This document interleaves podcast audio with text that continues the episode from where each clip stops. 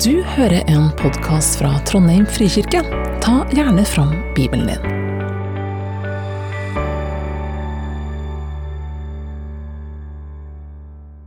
Jeg skal lese dagens tekst eh, før Lise skal tale til oss. Og den er henta fra Matteus evangelium, kapittel 1, vers 18-25. Og overskriften er 'Jesu fødsel'. La oss høre Herrens ord. Med Jesu Kristi fødsel gikk det slik til.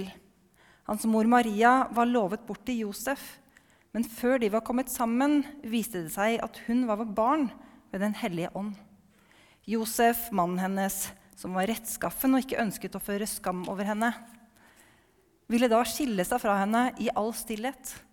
Men da han hadde bestemt seg for dette, viste en Herrens engel seg foran i en drøm og sa.: Josef, Davids sønn, vær ikke redd for å ta Maria hjem til deg som din kone. For barnet som er unnfanget i henne, er av Den hellige ånd. Hun skal føde en sønn, og du skal gi ham navnet Jesus. For han skal frelse sitt folk fra deres synder. Alt dette skjedde for at det ordet skulle oppfylles som Herren har talt gjennom profeten. Se, jomfruen er med barn og skal føde en sønn, og de skal gi ham navnet Immanuel. Det betyr Gud med oss. Da Josef våknet av sønnen, søvnen, gjorde han som Herrens engel hadde pålagt han, og tok henne hjem til seg som sin kone, og levde ikke sammen med henne før hun hadde født sin sønn, og han ga ham navnet Jesus. Slik lyder Herrens ord.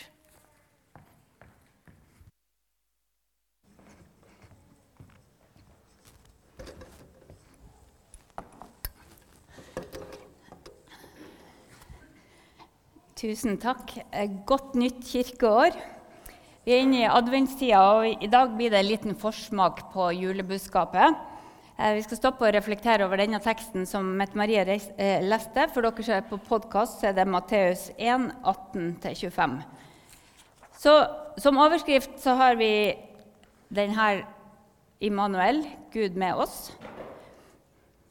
Og Det er jo et kjent tema for mange, men er det egentlig så liksom, Skjønner vi hva det betyr? For det er jo så grensesprengende som det kan bli, at Gud er med oss.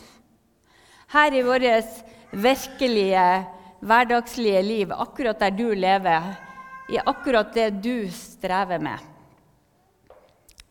Da ungene våre var seks og åtte, så var de veldig redd for brann.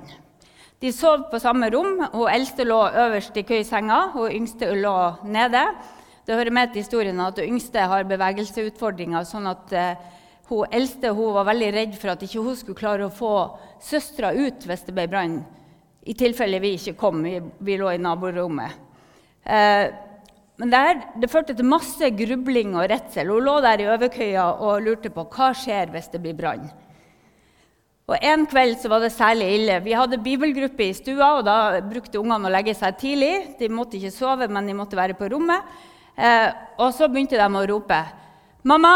Mamma! Enn hvis det blir brann?' De ropte på meg fordi at pappaen var borte. Det var vanligvis han som måtte ta de her rundene. Eh, de, ropte, og jeg måtte ned flere ganger. Argumentere mot. Det var veldig kaldt ute, det var veldig liten sjanse for brann. Det var ingen stearinlys i nærheten. Jeg måtte prøve å roe de ned, tenke rasjonelt. Og så ba vi litt. Ba om at de måtte få fred og få roe seg ned. Men de ropte om igjen og om igjen. Klokka ble ni og ble halv ti. Og klokka halv ti pleide vi å begynne å be i gruppa. Så da eh, tenkte jeg at nå blir det stille, for de vet at halv ti skal det i hvert fall være stille. Men så roper de igjen, da. Og jeg må gå ned. og jeg kjenner, altså det her er noen år siden, og jeg har kommet litt når det gjelder sinnemestring på den tida, men jeg var så irritert når jeg gikk ned femte gangen og sa nå får det være nok! Sov! Tror dere det hjalp? Ikke i det hele tatt. Fem minutter etterpå så ropte de 'Mamma! Mamma!' Og jeg tenkte Nei, kom! Jeg var oppgitt, jeg var sliten, og jeg tenkte at nå klarer jeg ikke mer. Og det kokte innvendig når jeg gikk ned på rommet deres. Men der satt det to unger med masse tårer ned i fjeset og lyste som med store smil. Og så, Hva i all verden er det som skjer her? Hvorpå de sier 'Jesus var her'. Begge hevda at de hadde sett en lysende, hvit, stor skikkelse i vinduet. Den ene hadde sett det fra overkøya, den andre hadde sett det fra nedkøya. og de hadde ikke sett på hverandre. Så de opplevde at her har det vært besøk av en engel eller Jesus. Ikke vet jeg, Hun minste brukte å kalle Thomas Bjerkholt for Jesus òg, fordi han hadde hvit sånn. Så hva det egentlig var, det er ikke godt å si, men eh, jeg skulle ønske jeg hadde opplevd det. Og det var siste gangen de ropte og var redd for brann. Josef han må ha vært redd. Maria, som han skulle gifte seg med, er gravid ja, før de har kommet sammen, som er en klar omskrivning at før de hadde sex.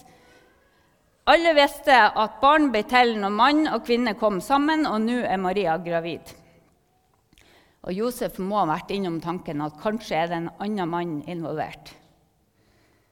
På den tida ble ekteskap arrangert av foreldrene, og de inngikk en forpliktende avtale om giftermål mellom de to unge. Jenta kunne være så ung som 12-14 år. Gutten var vanligvis litt eldre. Og så var det sånn at når jenta ble lova bort til en gutt, eller til guttens familie, rettere sagt, så måtte foreldrene til jenta betale penger. Det var ikke bare at de ga henne bort, men de betalte for å få gi henne bort. Eh, og da ble eierskapet til jenta overført til han som hun skulle gifte seg med. Og Ett år seinere flytta jenta inn til familien til brudgommen. Og Da ble bryllupet feira, og de starta samlivet. Det var den normale rekkefølgen. Når du var lova bort, så var avtalen inngått, og alle brudd på avtalen medførte skam over familien. Løsunger, barn født utenfor ekteskapet, ikke behandla pent i den tidas kultur. Alle kunne regne ni og en halv måned fra bryllup til baby. Og seks hørte til i ekteskapet. Men nå er Maria gravid. Og Den eneste løsninga Josef ser, er å skille seg fra henne.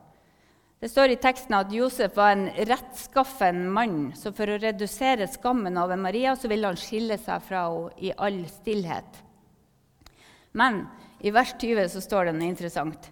Det står det at Men da han, altså Josef, hadde bestemt seg Da Josef hadde bestemt seg for det her, viste en Herrens engel seg for han i en drøm og sa, Josef, Davids sønn, vær ikke redd for å ta Maria hjem til deg som din kone.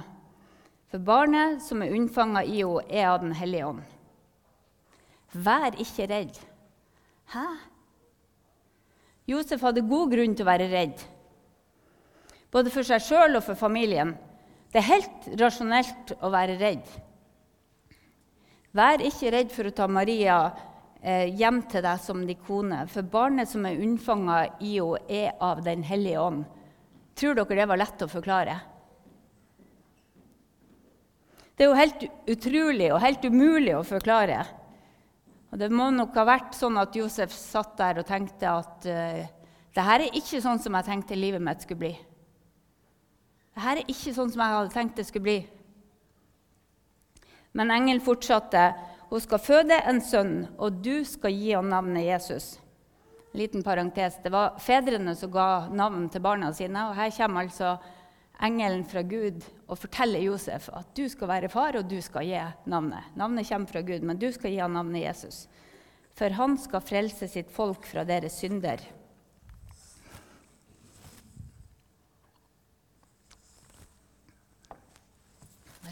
holde stemmen smurt her.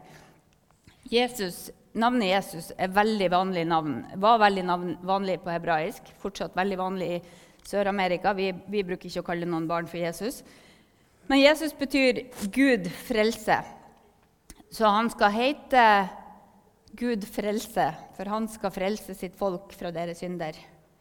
Så langt så henger de jo sammen. Sant? Han får et navn, og det betyr Gud frelse. Ergo så forklar, skjønner vi sammenhengen. Men så legger Matteus til en forklaring der han nevner et annet navn.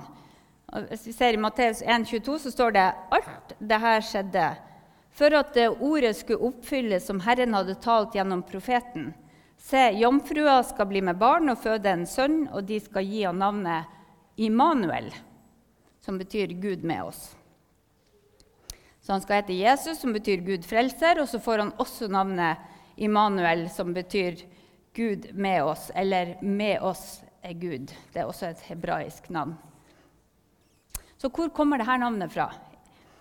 Jo, alle som hadde gått på jødisk skole, de hadde hørt det navnet før. For 700 år tidligere så hadde profeten Jesaja eh, profetert om at en gang skal ei jomfru eller ei ung jente føde en sønn, og han skal bli til frelser for menneskene.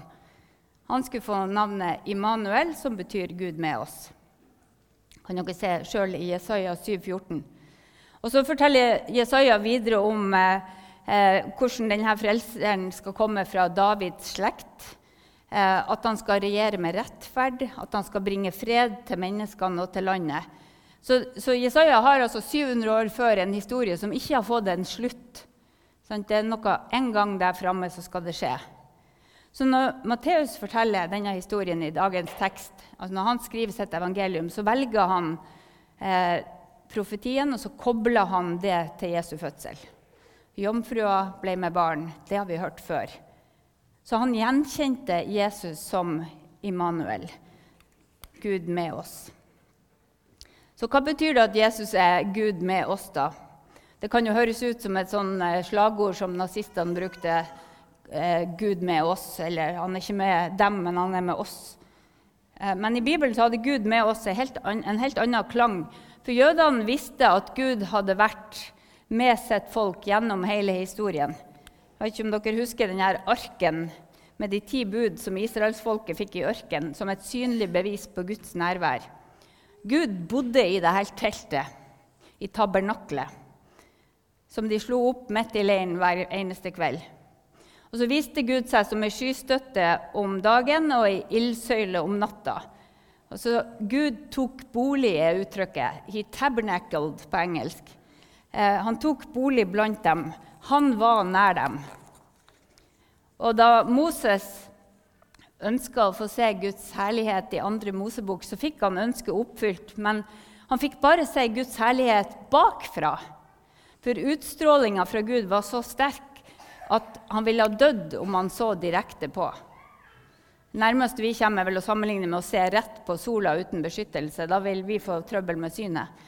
Men Moses fikk se Guds herlighet bakfra. Men når Jesus blir født, så overgår Gud alt det han har gjort av under tidligere. Når Jesus blir født, så kommer Gud sjøl til jorda. Jesus er Gud frelser, og han er Gud med oss. Han er Gud med oss personlig, synlig til stede. I Johannes, I Johannes 1, altså et av de andre evangeliene, så står det sånn Ordet var Jesus, og ordet var Gud. Han var hos Gud i begynnelsen. Og Her bruker Johannes begrepet 'logos', eller ordet, som en klar referanse til Jesus. Så Jesus var hos Gud, og Jesus var Gud. Og Litt lenger ned, hvis vi hopper til vers 14 i den teksten, så står det og ordet, eller Jesus, altså ordet ble menneske og tok bolig iblant oss, og vi så hans herlighet, en herlighet som den enbårne sønn har fra sin far, full av nåde og sannhet. Så det her, Han tar bolig, det peker tilbake på det Gud hadde gjort i tabernaklet eh, når han bodde hos israelsfolket i, i ørkenen.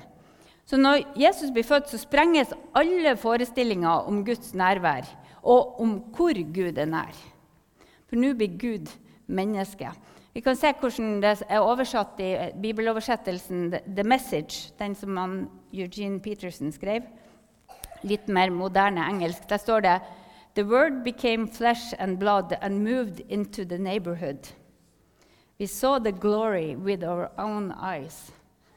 På norsk ordet ble kjøtt og blod og flytta inn i nabolaget. Og vi så hans herlighet med våre egne øyne. Nå er det ikke lenger bakfra, nå er det forfra. Og da Jesus kom, så kom han jo ikke bare på besøk. Han kom ikke bare for noen få, han kom for å bli værende ja, en taler jeg hørte, han sa det at Gud tok med seg tannbørsten og flytta inn i nabolaget vårt. Jeg er litt usikker på om han trengte å ta med noen tannbørste, men Gud kommer til oss, og Gud blir hos oss. Så når vi ser Jesus, så ser vi hvem Gud er. Så hvis du syns det er vanskelig å beskrive den Gud du tror på, eller det er vanskelig å tro på Gud, så kan du se på Jesus, og så ser du Gud. Hele Guds fylde, altså alt det Gud er, hele hans herlighet, bor i kroppen til Jesus. Har du tenkt på det?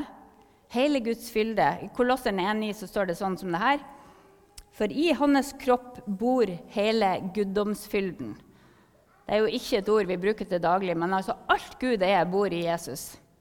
Og Jesus er ikke en delvis åpenbaring av Gud eller et symbol på Gud. Han er Gud. Han er 100% Gud, og han er 100% menneske. Da jeg var ung, så trodde jeg at man kunne ikke være mer enn 50-50. Men Gud kan det. Han kan være 100% begge deler.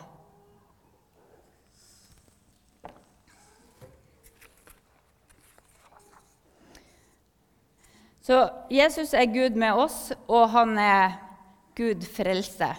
Så når Jesus dør på korset og dette er repetisjonen for mange av dere, men prøv å høre det en gang til. Når Jesus dør på korset og står opp igjen, så åpnes veien til Gud, sånn at vi kan møte Gud ansikt til ansikt. Helt fri fra synd og skyld og skam, all vår utilstrekkelighet. Kanskje noen av dere trenger en påminnelse om det. Ved Guds nåde er du frelst. Det er ikke noe vi fortjener, det er en gave. Og det, vi kan hvile i det. Det er noen som strever veldig med det her, men i Efeserne 2,8 så står det for av nåde er dere frelst, ved tru. Det er ikke deres eget verk, men Guds gave. Det hviler ikke på gjerninga for at ingen skal skryte av seg sjøl. Når Jesus kommer nær, så blir vi frelst av nåde. Husk det hvis du er den som sliter med selvfordømmelse og stadig blir minnet om de tingene som du egentlig har blitt tilgitt. Og så er det jo sånn at Jesus gir evig liv, og det evige livet det er allerede i gang. Det bruker vi å terpe på her i Trondheim frikirke. Det er ikke noe langt der framme, det er i gang. Eh, den som har tatt imot Jesus, lever sammen med Jesus. Eh, og det kan vi gjøre dag for dag i evighet. Syns det er fint skrevet i denne julesangen som til stadig går på radioen nå. Eller egentlig ikke på radio, men jeg hørte den på kirka her på, på fredag. Da spilte bandet til Krigsfest 'Himmel på jord, en nåde så stor'. Jeg er ikke alene her jeg bor.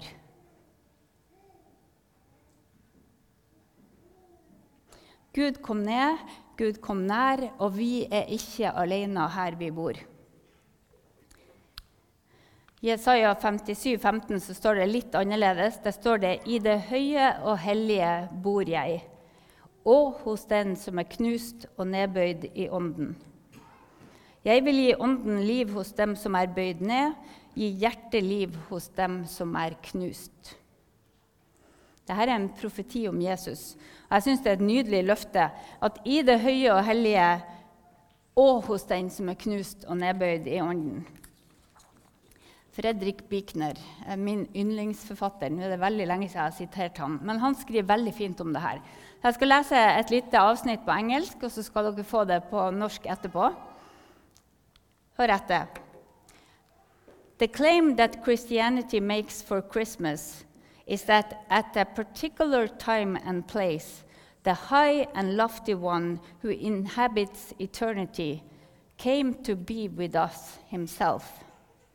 When Quirinius was governor of Syria, in a town called Bethlehem, a child was born who, beyond the power of anyone to account for, was the high and lofty one, made low and helpless. The one whom none can look upon and live is delivered in a stable under the soft, indifferent gaze of cattle. The Father of all mercies puts himself at our mercy. På norsk blir det omtrent sånn som det her. Påstanden kristen kom, kristendommen kommer med til jul, er at på ett bestemt tidspunkt og ett bestemt sted så kom den høye og hellige Gud, som bor i evigheten, for sjøl å være sammen med oss. Da Kvirinius var landshøvding i Syria, I en by som heter Betlehem, ble det født et barn som på uforklarlig vis var den høye og hellige gjort lav og hjelpeløs. Den som ingen kan se på og leve, blir født i en stall under det myke, likegyldige blikket til kyr. Han som er all nådes far, overgir seg sjøl til vår nåde.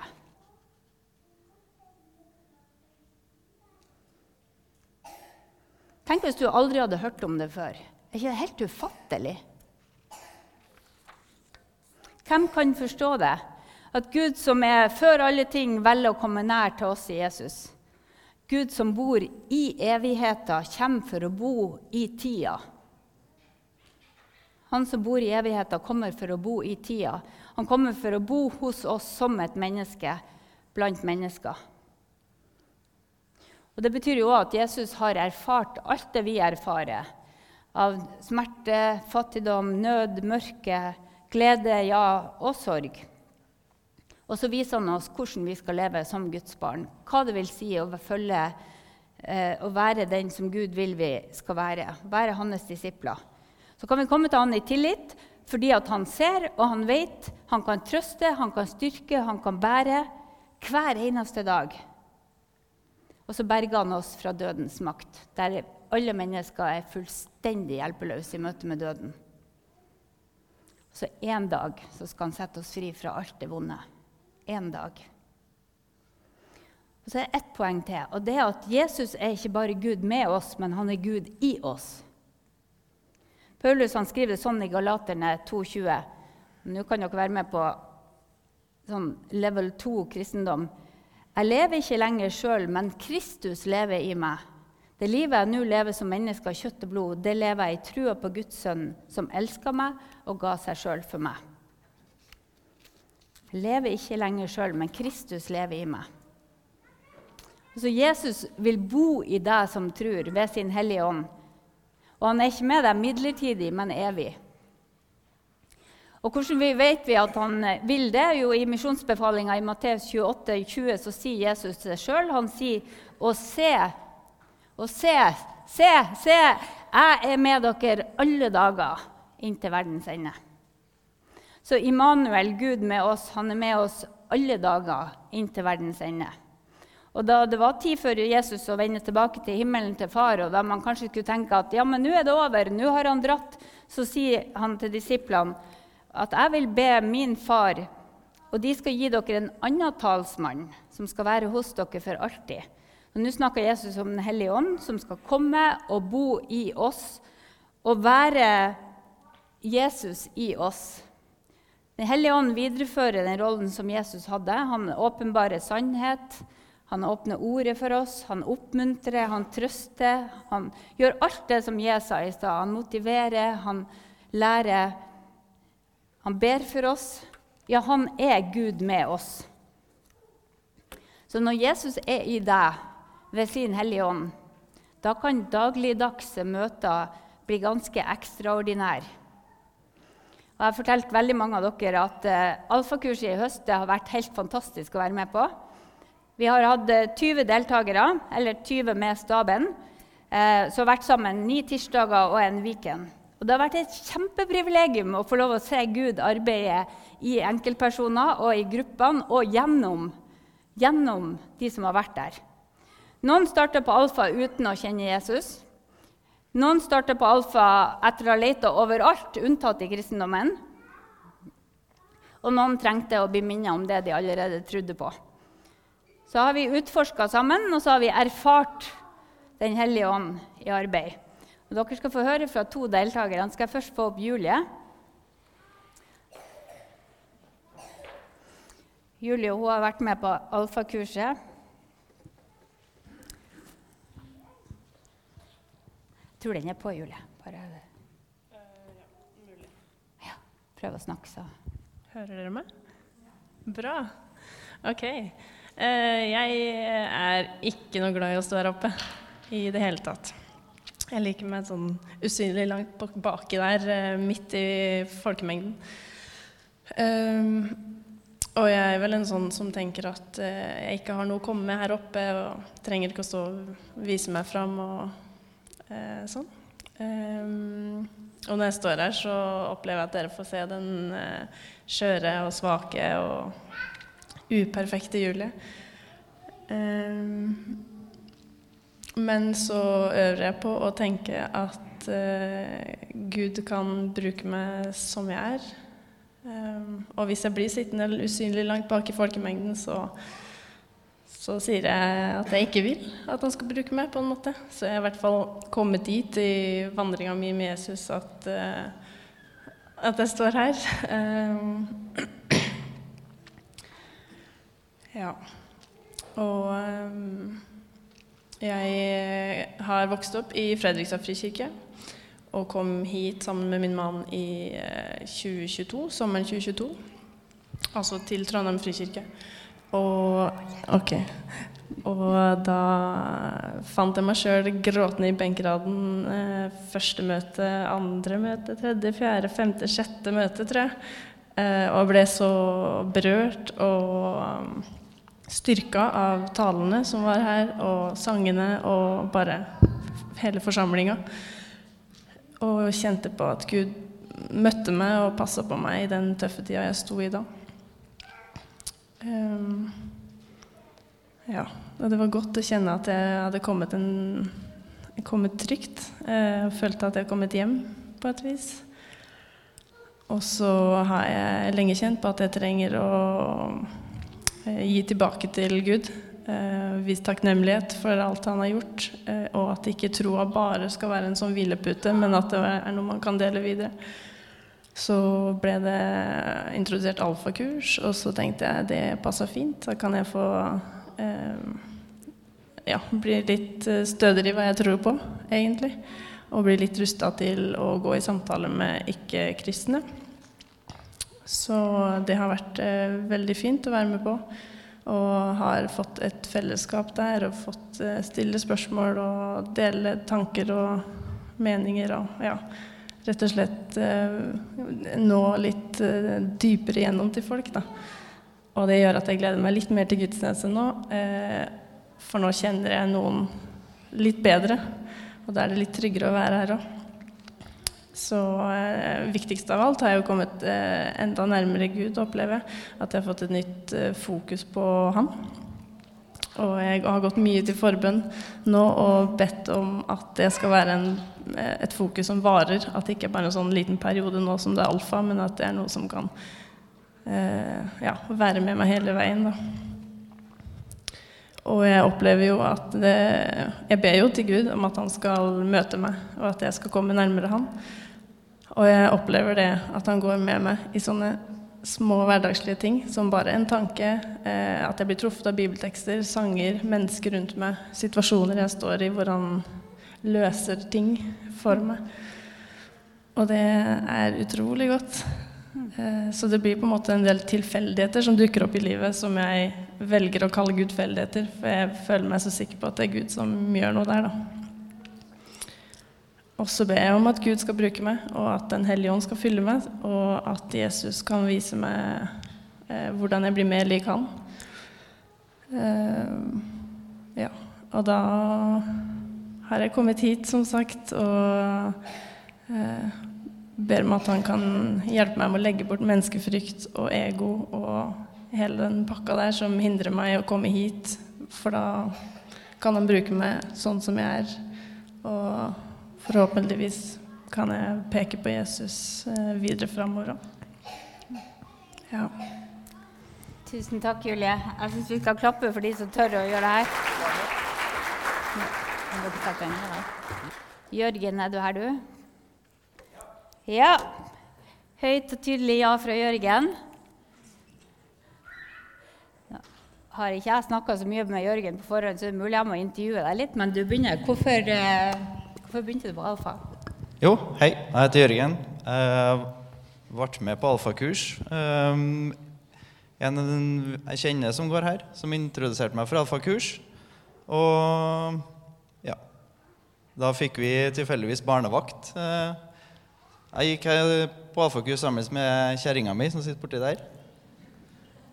Vi eh, Kona på fint. Ja. Ja. Eller kona. Eller kanskje det er kjærlighetserklæring når du Ja, det er min kjæreste. Så det. Ja. Mm. Um, det er ikke like lett for oss. Vi har ikke sånn veldig mange barnevakter. Um, men faktisk så åpna det seg veldig fint for oss på, for å dra på alfakurs. Um, og det har vært veldig godt å ha en fast dag i uka der vi går og, og snakker om tro og snakker om det åndelige. Um, så det har vært veldig godt. Um, Kan ikke du fortelle litt hva du har opplevd på, på alfakurs, eller kanskje konkret på Alfaviken? Ja, Alfa Weekend. Ehm, ja. På Alfa Weekend eh, så um, snakka vi om uh, Eller var det, snak, var det temaet Den hellige ånd?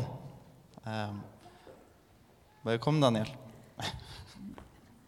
Bli, bli med pappa, Daniel. Ja. Det går bra. Hei. Hei, Daniel. Daniel han vil jo veldig gjerne bli fire snart, sant? Hva heter du, Daniel? Ja. Alfa Weekend.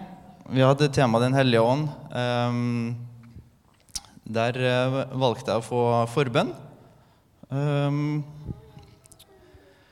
uh, jeg kjente en veldig sånn varme i kroppen min når jeg ble bedt for.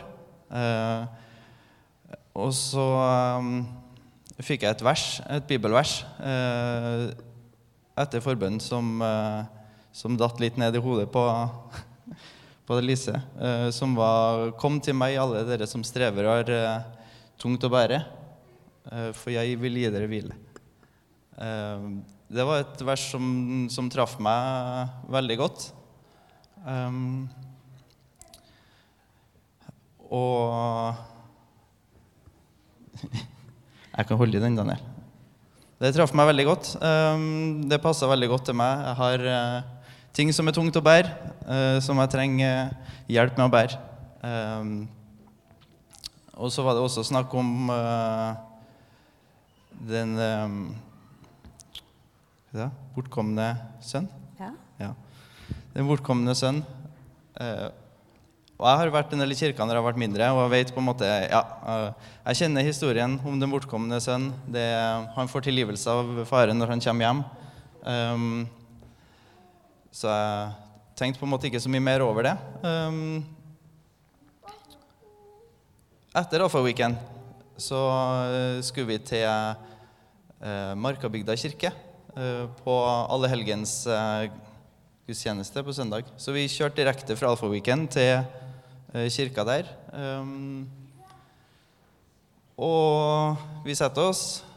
eh, kommer litt tidlig, så vi sitter litt der. Og når, når den først starter, så første, første presten sier er Kom til meg, alle dere som strever eh, og har tungt å bære. Eh, og så begynte eh, fortsatt gudstjenesten om å snakke om eh, den bortkomne sønn. Og da, da gikk det på en måte opp for meg at det er ikke bare om tilgivelse, den eh, eh, historien om den bortkomne sønn. Det er faktisk eh, Gud som står der med armene åpne og ønsker å ta imot deg. Um, og vi må bare si ja. uh, så jeg følte at det var, det var til meg, og det Ja, nå har jeg tatt imot den gaven. Som, eh, og han har stått der hele tida. Det er bare jeg som ikke har uh, sett den så godt før nå. Jeg kan ab absolutt, anbefale alfakurs. Um, både til dem som uh, ikke tror, og dem som uh, har lyst til samtale rundt, uh, rundt de temaene her. Tusen takk skal du ha, Jørgen. Jo. Du får en klapp, du òg.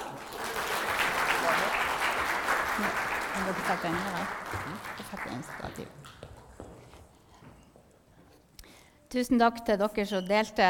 Eh, De sier at på Alfa så blir nye mennesker kristne, og kristne mennesker blir nye.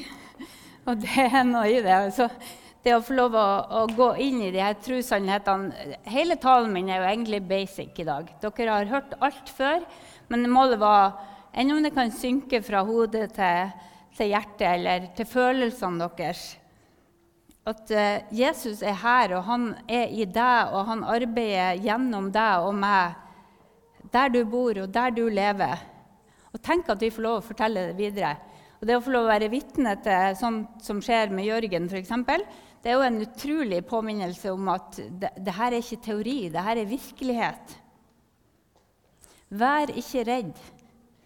Vær ikke redd. Det er godt nytt i verden. Jesus lever. Han frelser. Han er Gud som frelser, og han er Gud med oss. Skal vi be i bønnen, og så skal vi se om dette kan synke litt ned i eh, kroppen vår. Men først takk, Jesus, for de som har gått på alfa i høst. Takk for alle som lurer på om de skal gå på alfa. Eh, takk for alle som, eh, som, har tjent og skal tjene der. Jeg ber Jesus for alle som grubler, alle som lurer på hvem du er, og hvor du er, og hva du driver med. Jeg ber for alle som er ensomme, Jesus. Møt alle som, som går alene med tvil og usikkerhet eller lengsel til deg Jeg ber for alle som ønsker et fellesskap, Jesus. De iblant oss som sitter her i benkeradene og føler seg litt mer ensomme enn det de tror de andre er. Ber om at du møter dem i dag. Ber for alle som trenger å bli minnet om at Gud er med dem, Gud er med oss. Ber for alle som trenger å ta imot deg, Jesus, som trenger frelse og som trenger nytt liv. Ber Jesus om at du møter oss. Takk at du er stor og kan gjøre uendelig mye mer enn vi ber om og forstår. Amen. Takk for at du hørte på. Velkommen til gudstjeneste søndager klokka 11. Mer informasjon finner du på trondheim.frikirke.no.